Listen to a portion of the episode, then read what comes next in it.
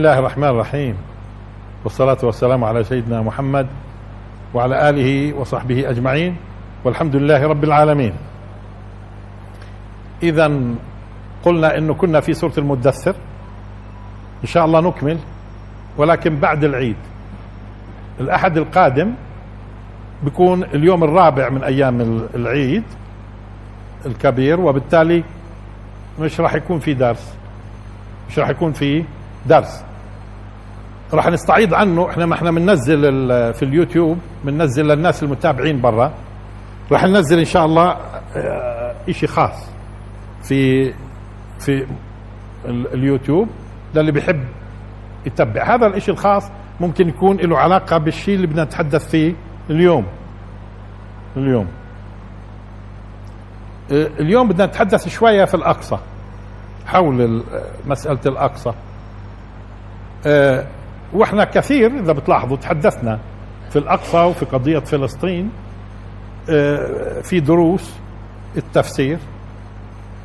آه واليوم ممكن نتطرق لقضايا لابد من التنبيه إلها مش بالذات إلكم وخصوصا في كثير من الناس لا يزالوا بيجهلوا بعض المسائل المتعلقة في الأقصى وقصة الاعتداءات المتكررة لليهود على الأقصى ومحاولة الزعم إنه لهم حقوق في هذه المنطقة المقدسة.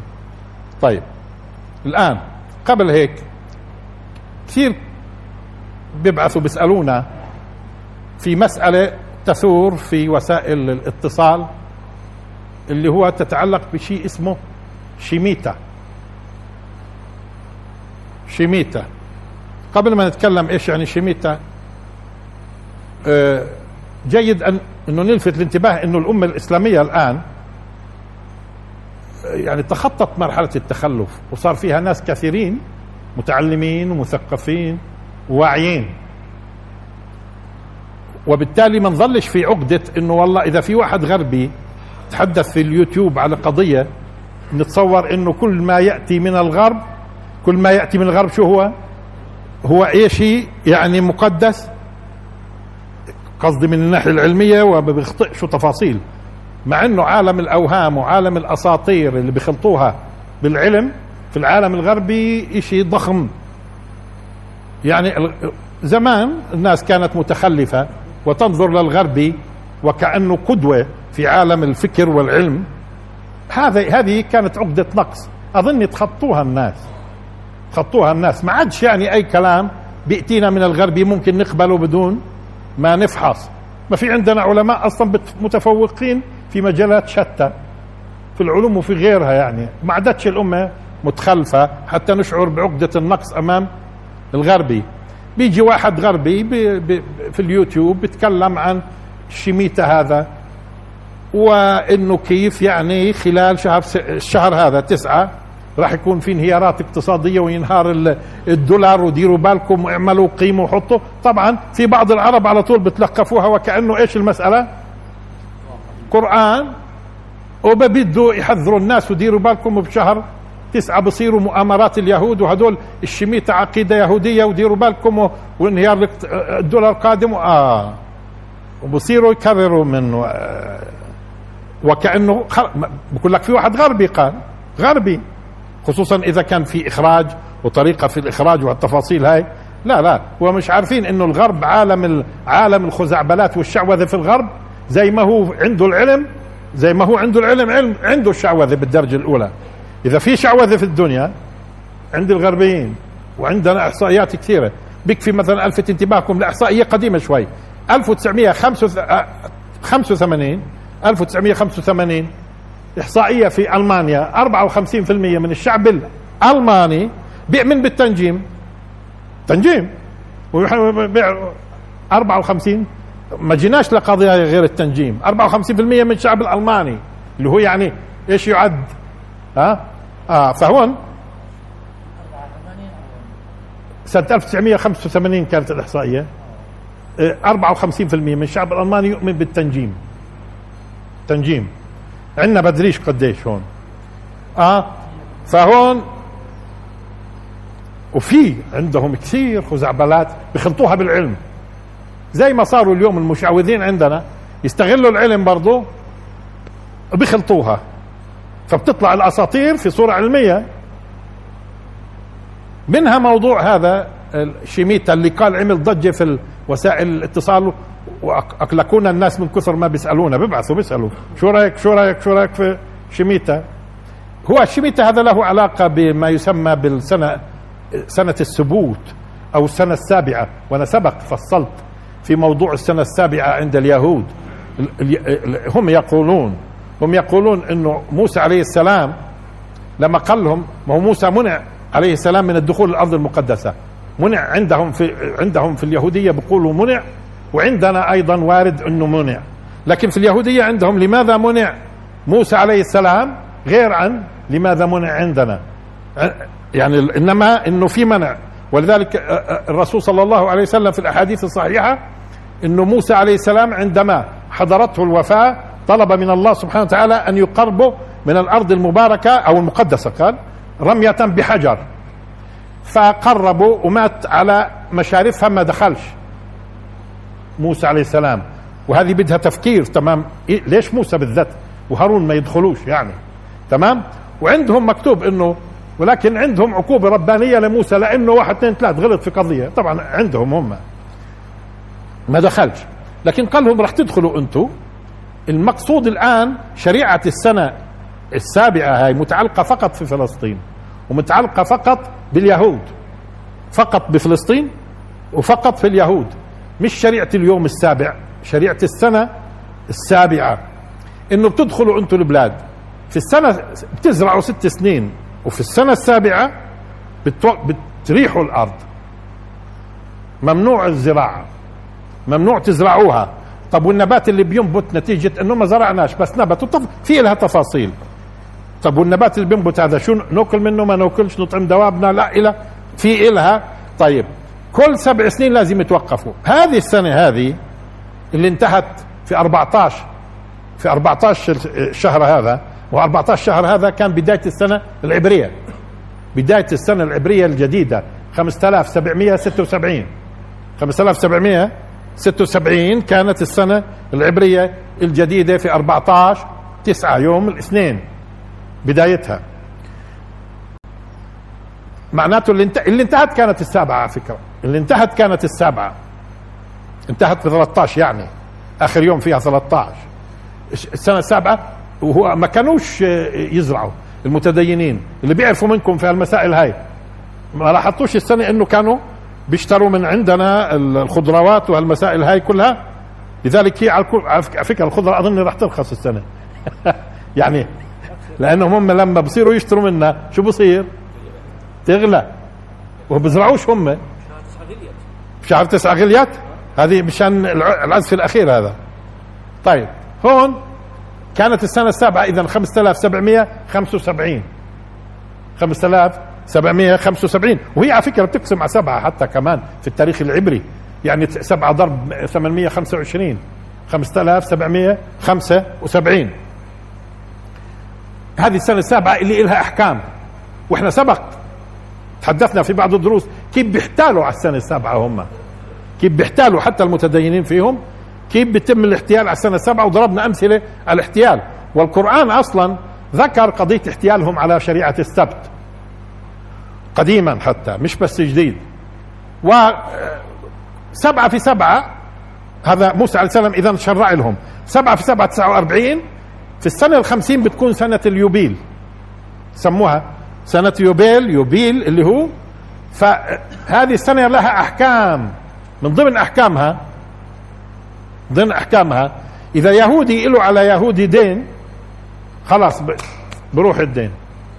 خلاص ملغي الدين كله. مثلا على غير اليهودي لا ماشي. اليهودي بالذات خلص المديون بيصير إيش؟ بتصفر حسابه. تمام؟ أنتم طبعا مش معنيين إحنا بالسنة السابعة الآن. والسنة اليوبيل. هذول اللي إلهن هذه الأحكام. سنة اليوبيل اللي هي سنة الخمسين. فزعموا زعموا إنه اليهود كل سبع سنين لهم خطة عالمية في عالم الاقتصاد وضرب الناس الأمم ونهب مواردها وهذا كلام غير صحيح. وصاروا يختاروا يختاروا السنة الفلانية ثم السنة الفلانية ثم لاحظوا هيك لاحظوا الحدث الفلاني. طبعا صاروا يتنقوا أحداث وفي أحداث كثيرة مهم نسيوها. تمام؟ وبعدين حتى عدد السنين بدوا يعطوا فيه نوع من مرات بتلاقيه سبعة مرات ستة مشان يضبطوا الأمور. إنه في آه بيضحكوا على هالناس. بضح... آه وبصير ننشرها لذلك أنا سألوني بعض الناس في هذه القضية من من من, من وقت فقلت لهم هذا كلام. يعني هم اليهود أصلا شريعة السنة الشميتة هذه واللي هو الثبوت وسنة اليوبيل واليوبيل آه هذا شيء له علاقة بفلسطين فقط واليهود. وتشريعات اليهود والى آخره. أما قضية التلاعب بالاقتصاد العالمي وضرب الدولار ومش دولار وكلام وهذا هذا كلام. هو الدولار في النهاية ماشي. هو راح يمشي الدولار. لكن في يعني شو يمشي؟ مش يعني ينهار بس في دول كثير لحد الآن معنية. دول معنية بالدولار لمصالحها هي. أما عبين ما يقدروا يدبروا مصالحهم ممكن يسمحوا للدولار بالانهيار. مش أمريكا اللي بتحدد الآن الدولار. لا في دول دول معنية لأنه عندها ارصده واستثمارات بالدولار معنية بالدولار كثير من هذا اللي بيخلي الدولار واقف مش قوة أمريكا اليوم. أمريكا انكشفت والدولار في طريقه للانهيار بس مش بهالسرعة. وبشهر سبتمبر هذا آه، آه، شهر تسعة. طيب. كل يوم والثاني بيطلعوا لنا بيطلع بيطلعوا للناس. ودير بالكم تنشغل العالم الغربي أحيانا بينشغل بينشغل بأمور. مثلا نهاية كانوا يقولون لنا إنه راح ينتهي 2012 ينتهي العالم. على ضوء إيش قال؟ على ضوء إنه المايا صوروا قال قبائل المايا وكان عندها حسابات وكذا الاخره ومن خلال قال اطلعوا هيك في تقويم المايا وجدوا إنه 2012 ها العالم بده ينهار.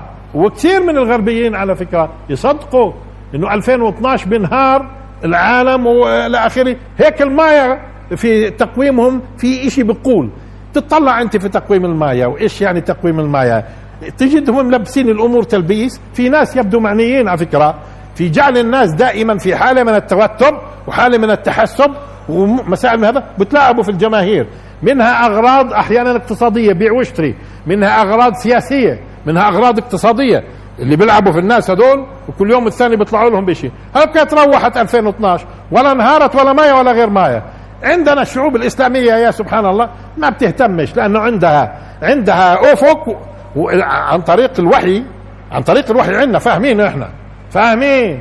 أصلا في علامات صغرى وفي علامات كبرى والشغلة مش بهذه الطريقة مش ضربة بريك ما بنشوف إلا كل شيء قالب. مش هيك بتيجي الدنيا؟ لا الله سبحانه وتعالى الدين الوحي فصل لك في المسألة. لذلك إذا بتلاحظوا إحنا بجوز ما شعرتوش أنتم كثير في قضية أنه 2012 بده ينتهي العالم. أما ما شفتوش الأمم المضطربة والشعوب اللي قال متطورة جدا يا سبحان الله وخايفة وبدها وقبلها كمان كانوا مطلعين نهاية القرن العشرين وبده يزول العالم. والغرب على فكرة وفي ناس كانوا أجوا بدهم يجوا هون على القدس ينتحروا من الغرب. وإسرائيل وقتها في الطيران منعت دخولهم جايين ينتحروا لاستقبال المسيح. لأنه بداية الألفية الجديدة اللي بده ينزل فيها آه، ومرقت ومن قبلها كنا قايلين عن واحد مرة إيطالي قسيس قال لهم هذا في في القرن العشرين. قال لهم للإيطاليين قال لهم العالم بده ينتهي بالتاريخ الفلاني. لما أجى التاريخ الفلاني الناس إيش؟ مضطربة وطلعت في ناس طلعوا على على الجبال وإلى آخره واحتاطوا وقاموا وحطوا ما صارتش إيش يا قسيس؟ قال لهم لا أنا مخربط في الحساب شوية. لا هو بعد كأنه شهر ولا شهرين ثلاثة أجلهم. ردوا اضطربوا كمان بعد ما اجى الموعد وما صارش ها؟ أه؟ دور على القسيس أبصر وين مهاجر. مش هيك؟ ما بينش. طول عمرهم بتلعبوا فيهم. ومن قبل هيك وسمعتوا أنتم من قبل هيك وهي قصة نستروداموس. قال هذا نستروداموس اللي اللي كان في القرن الخامس عشر السادس عشر 1500 وإشي. هذا قال كان يهودي كان كان يهودي ثم صار مسيحي وهذا له نبوءات. وكانت الكتب اللي تتحدث في الثمانينات والتسعينات في الثمانينات هذا عندنا الثمانينات والتسعينات وفي الغرب قبل هيك كمان اللي بتتكلم عن نبوءات نستروداموس هذا؟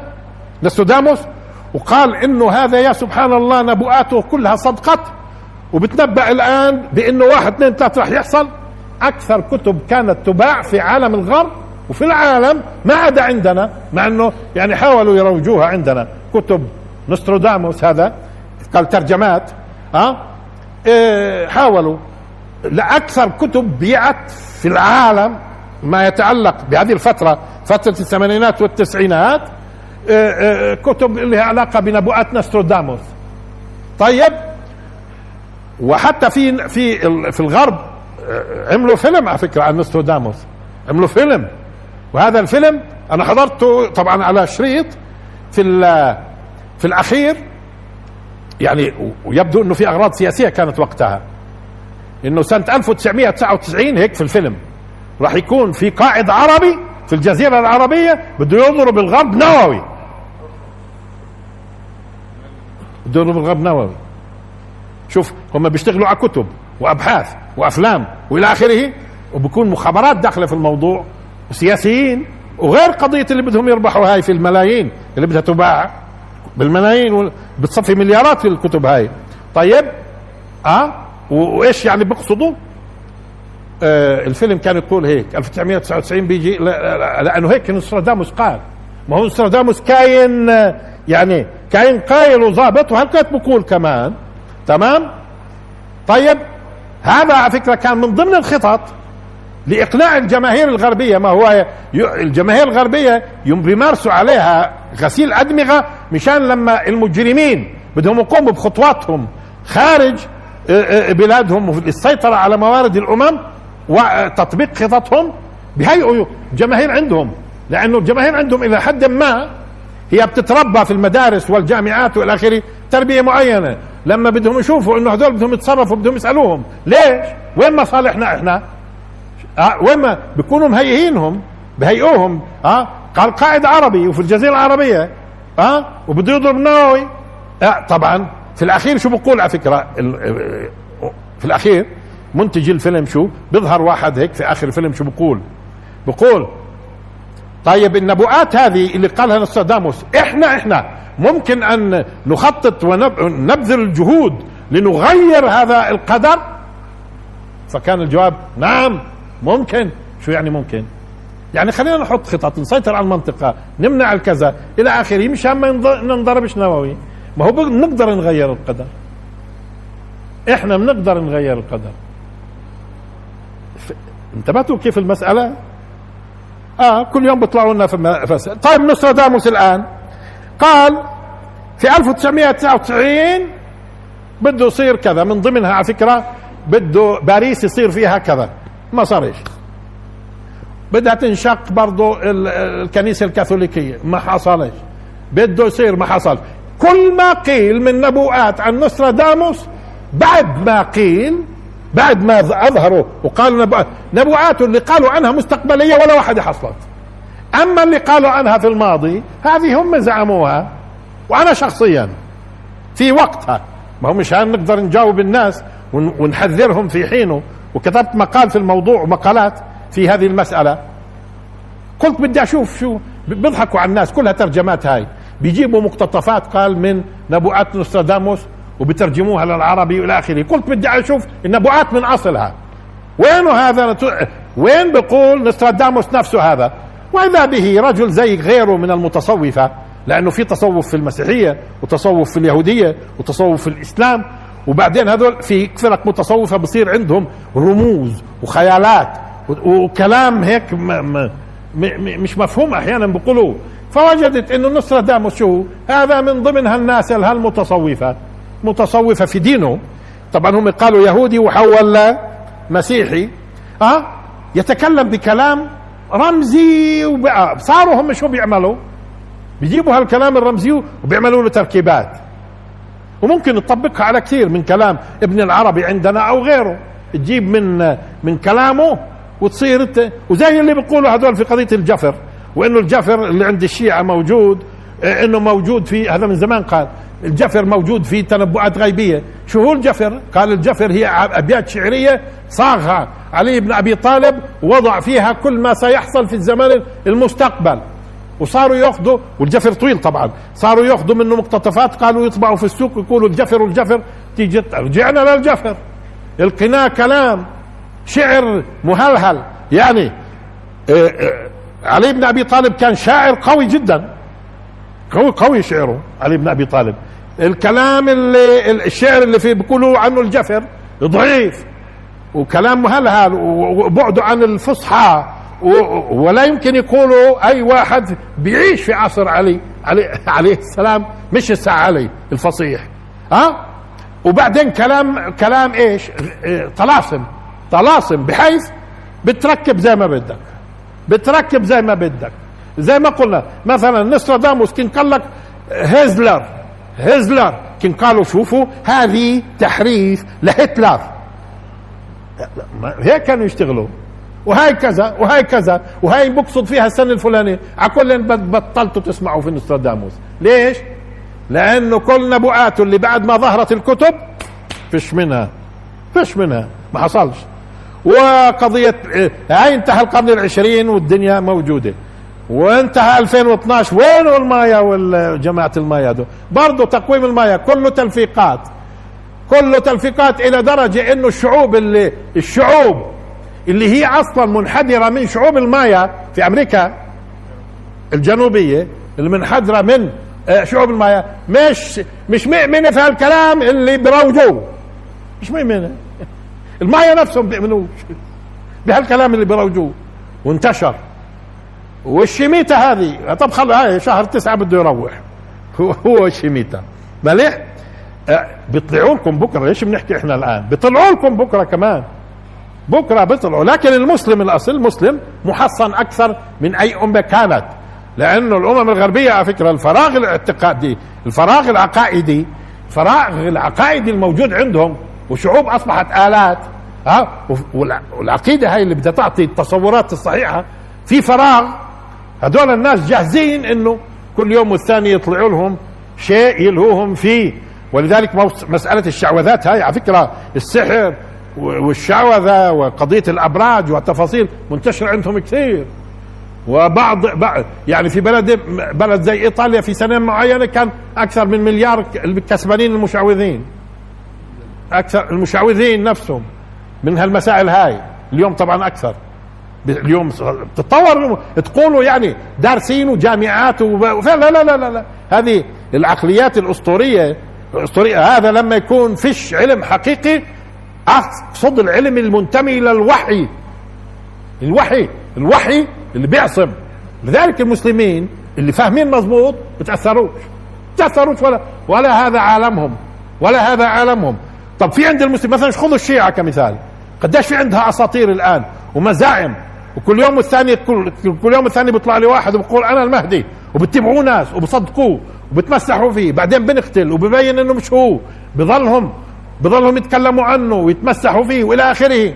وإلى درجة إني شفت بعض الشباب العراقي بعض الشباب العراقي لواحد سمى حاله المهدي قال راحوا باعوا أنفسهم باعوا أنفسهم آه، آه، أرقاء يعملوا عند ناس أرقاء هيك يعملوا ببلاش لأنه هذا هو مقدمة لرجوع الإمام آه، المهدي. آه لأنه هذا لأنه هذا الشخص اللي بيؤمنوا فيه الشيخ مش هو المهدي قصدي هو اللي بده يكون السفير للمهدي السفير للمهدي. وإنه كيف يظهر المهدي؟ إنه فهاج وهالشباب شو عملوا؟ باعوا باعوا حالهم لناس. وإحنا بدنا نصير عبيد وهذا من أجل وجابوا لهم مقابلات في مقابلات في التلفزيونات فضائيات. وقالوا نعم إحنا بنفتخر إنه بعنا أنفسنا من أجل إنه آه لأنه هي ومين؟ قايل لهم الشيخ هذا اللي انقتل بعدين هو. انقتل بعدين. هو آه ولا يزالوا يعني بيقولوا آه قال لهم إنه أنا يعني سفير المهدي سفير المهدي ولازم نعمل هيك هيك هيك مشان المهدي يجي. وقديش قديش ظهر عبر القرون من هذه النوعيات. وكل يوم والثاني بيطلع لهم واحد. آه ليش؟ لأنه برضو عندهم عندهم في انحراف في العقيدة وبالتالي سهل جدا إنها تملأ بمثل هذه الأساطير اللي تزيى اليوم صارت تزيى بأزياء العلم. وناس بيسألوني عن واحد بظلوا له فضائية من الفضائيات بظل يتنبأ للناس في ناس يعني بتأثروا بهذا الكلام في آه. آه وبعضهم يمكن بتنبأوا لهم. راح يصير هيك. وبعضهم بتنبأوا على فكرة بقصد إنهم يغرسوا في الناس عقيدتهم هم. هذا الشيء اللي بت... بتنبأ هذا بتلاقيه دائما بقني للناس مشان يقنعهم بعقيدة المهدي ورجعة المهدي وعجل الله فرجه. آه بيستخدم هذا الأسلوب. زي النصارى برضه باستخدام كساوسة اقصد كثير بيستخدموا الكذب واللف والدوران والاخره لإقناع جماهيرهم. يعني بيكذبوا من أجل الدين قال يعني. بيكذبوا من أجل الدين وتقتنع فيه البشر. وبالتالي طب طب وبعدين؟ بعدين؟ بعدين الوعي الإسلامي بالفكرة الإسلامية الحقة أو الحق على فكره ها؟ الحق. نعرف الناس الدين. الدين. يعرفوا الناس الدين ويكون عندهم وعي. وعي. وعي في إيش؟ في الفيزياء والكيمياء هاي ممكن أكثر الناس بالعكس اللي عقولهم علمية ممكن كمان يكونوا أسطوريين. فيش ما يعني فيش تناقض بينهن أصلا. فيش تناقض بينهن. آه؟ كيف ينشأ الإنسان؟ إيش عقيدته؟ جوا في شيء عقيدة بتملأ بتعطي تفسير بتفسر له الوجود الكون المعالات التفاصيل. الإسلام الدين الحق فيش غيره اليوم. والأديان الثانية ما هي محرفة أنت تعرفه وهي أوهام البشر وهي أوهام البشر. طيب هذه قضية السنة السابعة ما كلام. كلام من ضمن الكلام اللي بيجي من ضمن الكلام اللي بيجي ولذلك لابد دائما يكون في مناعة. مثل هذه المناعة قلنا إيش؟ مناعة يعني في جراثيم في لولبيات في في فيروسات في كذا. الحل الحل مناعة مناعة الجسد والقضية نفسها. الحل إنه دائما إحنا نوعي الناس بالقرآن بالسنة يفهموا الإسلام خلاص. خلاص بصيروا محصنين بصير في مناعة. تمام. طيب هذه شيميتها الغريب أو اللي هو توافق إنه في يوم عرفة يوم عرفة بكون عيد الكفارة عند اليهود. اللي هن أي يوم؟ 23 23 23 بكون إحنا صايمين واليهود صايمين. التقوا هدول هم بصوموا لاعتبار معين؟ وإحنا بنصوم لاعتبار ثاني. هذا اليوم هو يوم كبور يوم الكفارة؟ يوم كبور. يوم ب 23 بيلتقوا. لاحظوا انتهت السنة السابعة في 14 لأنهم هم دائما إيش؟ على فكرة. دائما بداية السنة العبرية اليوم العاشر هو يوم كبور من السنة العبرية. اليوم العاشر. هي بدأت وين 14 يوم الغفران. يوم الغفران بيكون العاشر في العيد. اذا بداية السنة العبرية اليوم العاشر يوم الغفران. على فكرة كان لي دراسة قديمة وأدهشتني في حينها. لما بحثت عن اليوم اللي دخل فيه الرسول صلى الله عليه وسلم المسجد الأقصى ليلة الإسراء والمعراج هذه دراسة قديمة يعني بداية التسعينات. فوجدت أخذت طبعا أرجح الأقوال في السيرة فوجدت أن الرسول داخل إيه، إيه، إيه، في في في يوم في عشرة عشرة لأنه عشرة عشرة عشرة عشرة بالميلادي هو أصلا في الشريعة اليهودية منصوص عشرة عشرة هذا يوم الغفران. يكون يوما للغفران. عشرة عشرة. لكن لكن لأنهم هم بيتعاملوا بالسنة القمرية. والسنة القمرية بتفرق 11 يوم تقريبا لأنها هي 10 وثمان أعشار الفرق مش 11 بالضبط. فبالتالي ممكن تجدوا يوم كيبور هذا. لاحظوا. كل ثلاث سنين شو بيعملوا هم كل ثلاث سنين؟ بضيفوا شهر. كل ثلاث سنين بضيفوا شهر. مشان تظل السنة لأنهم هم أعيادهم الأصل الدين عندهم بالقمري لكن مشان يظلوا محافظين على الأعياد في المواسم إلى آخره إيه، ماشيين مع السنة الشمسية كل ثلاث سنين. طبعا مش كل ثلاث سنين بالضبط. يعني مثلا لاحظوا عندك السنة الثالثة شهر السنة السادسة بضيفوا شهر. هاي صار عندي. آه ثلاثة وثلاث ستة وثلاث لا مش ثلاث تسعة. الثامنة ليش؟ لأنه هو مش بالضبط المسألة بتكون الشهر هو. فمشان يعملوا تعديل شو بيعملوا؟ بقولوا إيه، الثالثة بنضيف شهر السادسة شهر الثامنة بضيفه. بعدين بعد الثامنة شو بتيجي ثلاثة لما تضيف ثلاث؟ بعد الثامنة. 11 وكمان ثلاث. 14 وكمان ثلاث. ها؟ 17 بعدين 19 سنتين بس. اذا كل 19 سنه في نظام. كل 19 سنه مشان إيش؟ لأنه الفرقيات هي مش 11 في الشهر هذا اللي بضيفوه مش بالضبط شهر ما هو. مش بالضبط شهر. فبدأ ثلاثة ثلاثة اثنين مثلا. انتبهتوا؟ في لهم طريقة في هذه المسألة.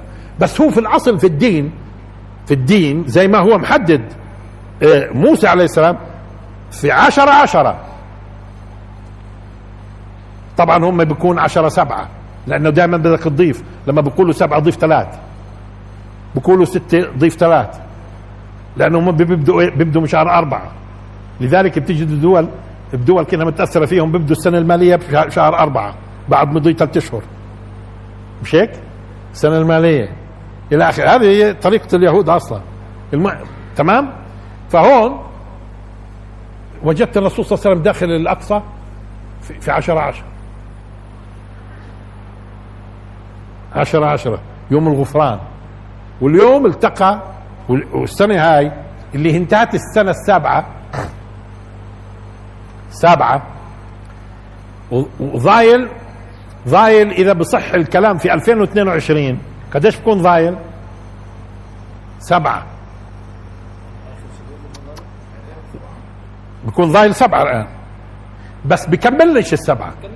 لأنه لأنه لازم يكونوا موجودين في في شهر آخر شهر تسعة. يكونوا موجودين. يبدو مش احتمال يكونوا مش موجودين في آخر تسعة.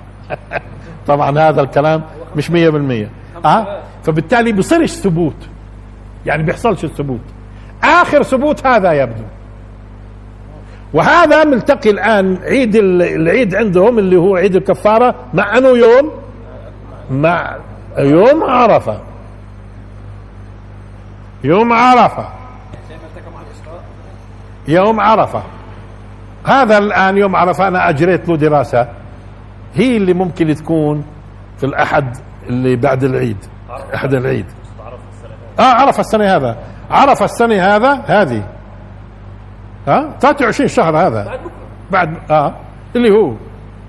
آه بيكون عندهم عيد اليهود عيد الكفارة التقوا مع بعض. فأنا قلت التقوا بدي أعمل لهم دراسة. أشوف هذه هذا الالتقاء له معنى. راح أفصله إن شاء الله. في شيء ما مصور. ننزله بدل درس الأحد. نشوف العجب. في عملية الالتقاء اللي بتعطيكم بشرة. الالتقاء هذا بيعطيكم بشرة. آه آه. ليش؟ لأنه في ناس بيشتغلوا عليكم في اليأس. ودائما الناس لما بيأسوا بفرطوا في الحقوق. ولما بيكون عندهم أمل بتمسكوا بحقوقهم. آه. فدائما لازم يفتح للناس باب الأمل. بيكون هذا إن شاء الله. طب نيجي الآن في موضوع الأقصى نعطي ومضات في موضوع الأقصى. اولا اللي بنى اللي بنى المسجد الحرام عليه آه، الحرام مش إبراهيم عليه السلام ابتداء. وهذا ثابت بأحاديث. إنما إبراهيم عليه السلام هو أعاد البناء.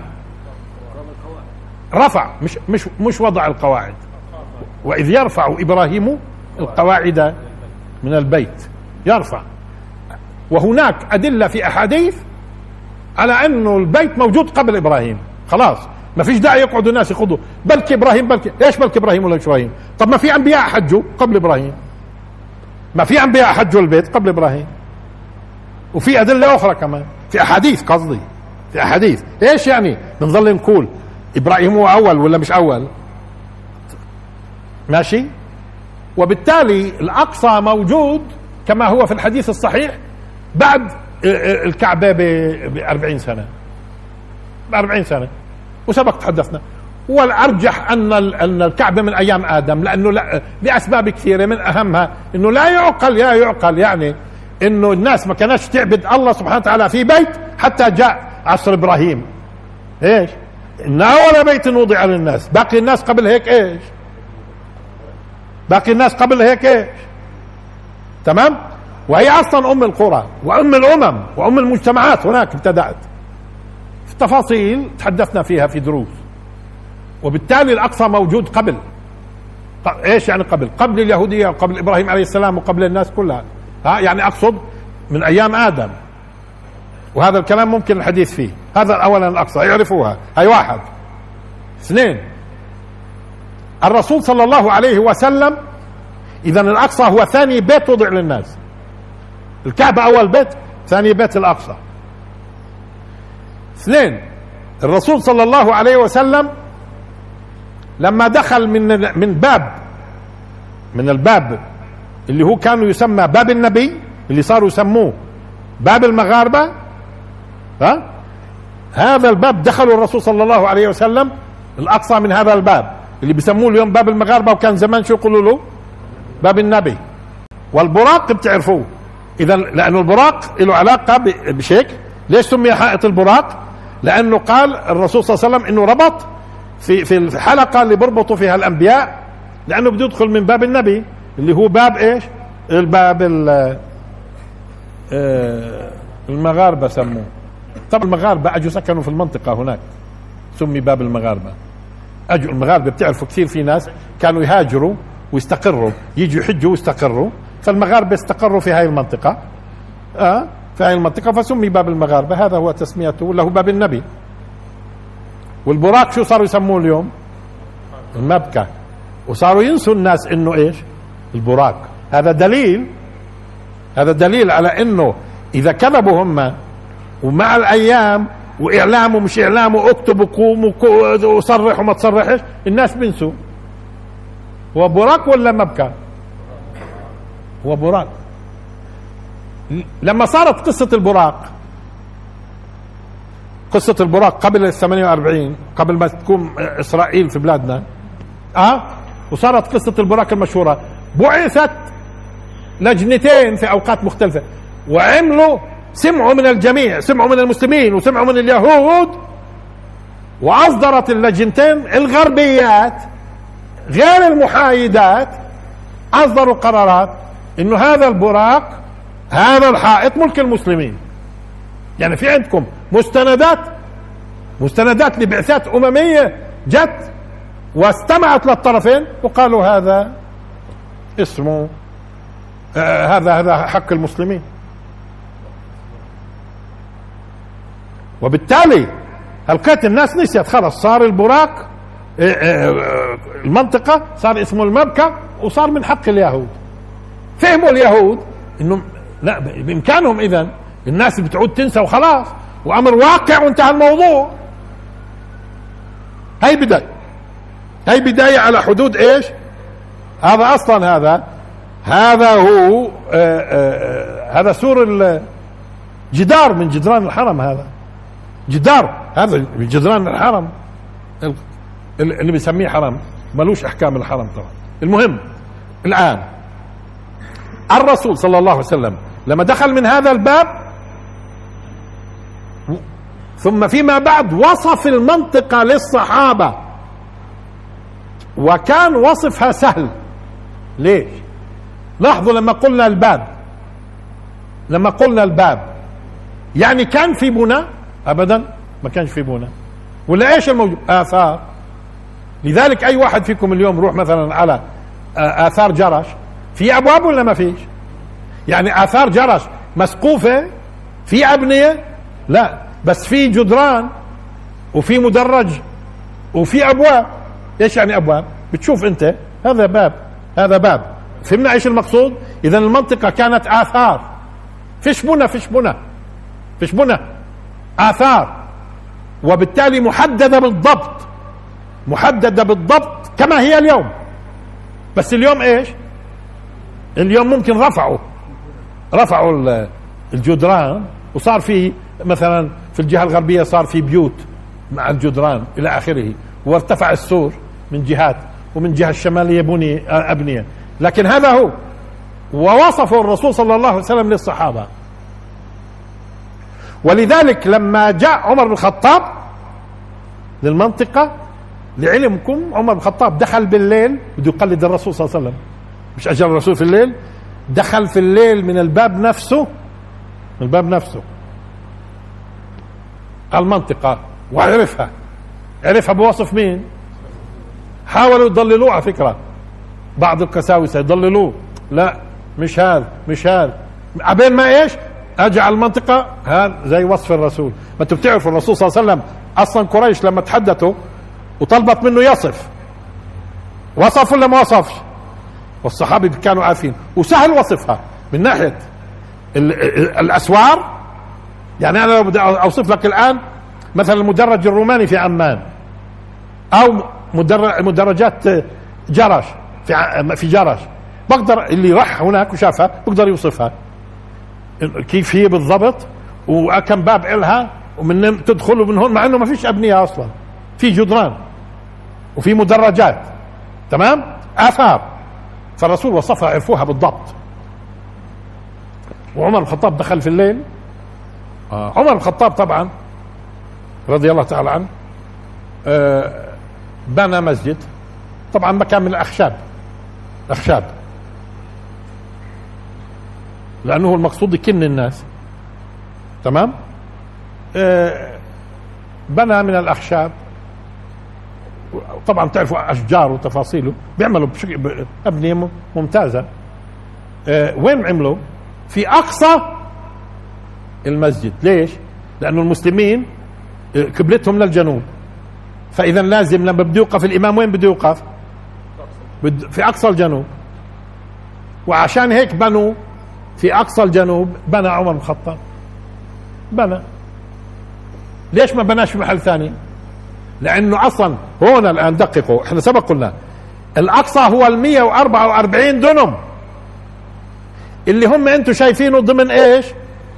هذا وصف الرسول. آه لاحظت بعض المسلمين حتى في اليوتيوب وغيره قال بيحاولوا يفهموا المسلمين إنه ديروا بالكم اليهود بدهم يضللونا. الأقصى هو الجنوب البناء الجنوبي القبلي. قال اليهود بدهم يضللونا. آه، آه، وبقولوا لحظة بقولوا إنه قبة الصخرة هي الأقصى. اليهود بيقولوا قال قبة الصخرة هي الأقصى وبدهم يضللونا عن الأقصى الحقيقي. انه هو؟ البناء الجنوبي اولا الأقصى ال 144 دونم هذه أبنية داخل الأقصى. هذه أبنية. وفي أبنية كثيرة داخل الأقصى كله أقصى. هاي واحد. اثنين. إحنا سبق قلنا اليهود مش بدهم الأقصى الجنوبي. هذا غير صحيح. هذا قلب. هذه اذا دعاية يهودية سيطرت على دماغتنا. اليهود بدهم قبة الصخره وطول الوقت وهم شو يقولوا؟ الناس. شو يقولوا لنا قال. قال اليهود بدهم الأقصى الجنوبي. اللحظات. وبيزعموا انه قبة الصخرة هي الأقصى. لا اليهود ما بيصدقوا تقول لهم قبة الصخرة مش الأقصى. هم بدهم قبة الصخرة أيوه. آه آه. هم وإحنا أنا ليش بفصلش الآن؟ لأني مفصل في دروس سابقة. بدهم القبة. ومستعدين يتقسموا معك بس القبة تكون محتضنة. وأنا بينت لكم الزيتون الم... الزيتون المزروع من زمان الأردن. مشان عبين ما يصير الصلح منيح. آه هناك هذه المنطقة هذه هذه اللي بدهم يعملوا فيها باتفاق. لذلك اليهود لاحظوا اليهود لما دخلوا في السبعة وستين وقائد من من قادة اليهود وضع العلم في الأقصى مين اللي أزاله؟ مين اللي أزاله؟ على طول ديان اللي أزاله قائد الجيش. مش وقته. بيعرف. بيعرف ديان إنه هذا الان مش وقته إنه هو مش ناقصه. هو أصلا ما انتصرش. هو أصلا ما انتصرش. كل هالاتفاقيات من أول يوم. اتفاقيات قديمة في قيام إسرائيل ثم اكتمال قيامها كل موافقة. أنتوا بتصدقوا انت وأنا سبق فصل. أنتوا بتصدقوا على ثلاث جبهات. بست أيام تروح الجيوش. ما هي بتأخذ ركاض أكثر من هيك. فك... آه. كلهم كلهم ستة وخلصنا. وين صارت هذه؟ وين صارت؟ طب ما إحنا عرفنا أمة إسلامية. لما كانوا يقودوها أبطال عرفنا. كانوا يقودوها أبطال قاوموا دول عظمى وكانت أسلحة غير متكافئة وكان في طيران سواء كان عمر المختار أو عبد القادر الجزائري أو عبد الكريم الخطابي ها؟ في المغرب أو في ليبيا أو في الجزائر. ماشي؟ ثم في عصرنا في غزة تمام؟ آه طيب ما إحنا شفنا. شفنا آه هزمت أصلا من قبل عبد الكريم الخطابي إسبانيا وفرنسا وكانوا دول عظمى. الشعوب اذا لما بتقودها الشعوب لما بتقودها ناس صادقين تنتصر آه تنتصر. بكذبوا علينا. كيف قدرت إسرائيل؟ كيف قدرت إسرائيل؟ تحتل كل هذه المناطق بست أيام. وين هذا يعني؟ إيش هي؟ إيش الفروق يعني في في القدرات العسكرية؟ إيش؟ شو قمت أنت ودافعت يعني؟ طب إحنا سمعنا عن الروس وهم يدافعوا. آه؟ كم مليون راحوا هم يدافعوا عن بلادهم. أنتوا شو عملتوا أنتوا؟ مين مين أنتوا اذا الست كيف كيف التقيتوا أنتوا بثلاث جبهات؟ إنكم تسلموا بست أيام. أنتم مصدقين إنه هذا كلام إنه إسرائيل يعني بقدرتها؟ ومن قبلها في 48 كيف بتصدقوا إنه من لحظة. من بعد 15 5 لعند الهدنة الأولى اللي هي 10 6 هي عندك تقريبا 25 يوم. 26 و25 يوم. ب 25 يوم بكون اليهود مهزومين. بتصير الهدنة لمدة شهر. بعدها تنقلب الموازين وبتدوم الحرب. من بعد 10 6 ل 18 7 كم يوم؟ كم يوم؟ أسبوع. أسبوع بتكون كل الجبهات مروحة. أنتم مصدقين. أنا اللي بصدقها إنه هذا قتال. في قيامها الأول وفي قيامها الثاني إسرائيل. في قيامها الأول. هذا هذا هذا. أنا غبي اللي بصدق. أنا بقول لك. بس بكفي بكفي هذه الزعامات إنها تعطيك كلام كلام وتوقف مواقف وأنت مش عارف شو القصة. لكن فكر انو انو ساذج بصدق؟ إنه أمي كانت منتصرة قبل كم يوم اللي هو بين بين ال 15 5 والهدنة الأولى 10 6 كانت منتصرة لأنه الجيوش كانت ماخذها جد والقيادات والزعامات قالت القيادات وبعدين أنا قال لكم انه بدنا هيك. ها؟ فبين الهدنة الأولى والثانية بس شهر رجع القتال بعد 10 6 بعد لأنه الهدنة من 10 6 لوين على فكرة؟ أيوه ل 10 7 ل 10 7 عفوا. رجع القتال. 18 إيه، 7 كانت الهدنة الثانية وكل شيء منتهي وجدوا إنه بدهم يصلحوا وجدوا إنه في شيء مسلمينه لليهود. سلموه في معاهدة رودوس في ال 49 بدون قتال. تمام؟ نص مليون دنم منطقة المثلث. طب كيف؟ كيف ما إحنا شفنا؟ في منهم ملوك وفي منهم رؤساء جمهورية وفي منهم ثوريين. في ثوريين وابطال آه خليهم الأغبياء. خليهم الاغبياء يحلموا. خذوا من الكلام ومش مهم تشوفوا الواقع. فسروا. بدي يفسروا أنا. كيف الحرب الأولى في ضياع فلسطين؟ بس 8 أيام مع تحييد الشعب الفلسطيني وإجباره إنه يكون ممنوع القتال. وكان قادر لحاله. كان قادر لحاله على فكرة. هم دخلوا مشان منعوا دخلوا منعوا. كل كل ما هو غير رسمي ممنوع. يقاتل. تمام؟ آه. واللي أجوا يقاتلوا من مصر. اعتقلوا وضعوا في السجون. اللي اجوا يقاتلوا من مصر قياداتهم اعتقلت وضعت في السجون. تمام؟ إلى آخره. هذا هذا إيش؟ ولعلمكم اليوم. أيوه. اذا إسرائيل لحد اليوم في موضوع الأقصى هو أصلا من ضمن اتفاقيات في قيام إسرائيل. وكيف بدها تتم الأمور. ولكن اللي بتشوفوه هذا وبيزعموا الناس إنه العالم الإسلامي مش سائل في الأقصى. لا. لأنه هذه الزعامات ما فيش منها زعامات. لاحظوا هذه. هذه هي اللي بعتنا طول الوقت وهذه هي اللي الغرب موظفها تحفظ وتيرتنا. وهذا اللي بيفسر لكم إنه لما الشعوب قامت حملة سلاح كيف الآن عليها مؤامرات دولية؟ اذا الزعامات هذه شو هي؟ شو هي؟ ولذلك الناس اللي قاعدين بدهم يخذلوا الناس ويقولوا لهم ثوراتكم بتجيب المصائب. لا لانها هاي اللي بدها تخلصك أنت أصلا من هذا اللي له قرون. ها؟ هذه زعامات كلها. اللي وكانوا بيسمحوا لهم أي واحد على خاطره يتظاهر بأنه وطني مش وطني. المهم العبرة في النهايات. شو بدنا نقدم لنا وشو بده يصير؟ بس ما بفرقوش لأنه كما قلنا أمور لا تفسر لا يمكن تفسيرها. وبالتالي ها اليوم فضحتهم فضحتهم اللي بيصير في غزة بيفضحهم أصلا. شو كان تعملوا أنتم هاي إسرائيل وهي الغرب كله كمان وهي بلد محاصر. أيوه فاذا هذه الزعامات اليوم اللي بيقولوا إنه الشعوب العربية والإسلامية مش سائله في الأقصى هذا كذب. هم أصلا كلهم خايفين من الشعوب. إنه يكون الأقصى هو اللي بينهضها. والأقصى اللي بينهضها على فكرة. الأقصى هو اللي بينهضها. ولذلك هم يتقدمون على خوف. وبقدموا تراجعوا. وباتفاق. وما تشوفوش هذول لما بيصيروا يبعبعوا في إعلامهم هذا بس مشان يغطوا. ولكن صحيح هم غير قادرين إنهم يلجموا إسرائيل لو كانوا فعلا هم قيادات حقيقية. بيقدروا على فكرة. الأردن لحاله بيقدر الأردن لحاله بيقدر مصر لحاله بيقدر أي بلد واحد بيقدر يهدد؟ بيقدر آه ولكن لا. كلهم مشركين. وأنتم شفتوا أصلا بعد ما يسمى بالربيع العربي لما شعوب ثارت صاروا حتى يستهتروا بالإسلام بشكل واضح. صاروا يستهتروا بالإسلام بشكل واضح. اذا هذول مين؟ لأي دين بينتموا لأي دين؟ هذول اللي قاعدين. وكل يوم والثاني بيطلعوا لكم بفتاوى ويشغلوكم فيها. فتاوى ما أنزل الله بها من سلطان وشيء فاقع جدا. وكانه بده يقولوا لك إحنا ملاحدة. شئتوا ام ابيتوا بعد ما انكشفت ورفعت الشعوب السلاح. وبدهم في ناس الآن يشككوا في ثورات الشعوب. وقال لأنه في دول يعني بترفض إسرائيل. أني انو اللي بفضها. انو اللي ما أقامهاش.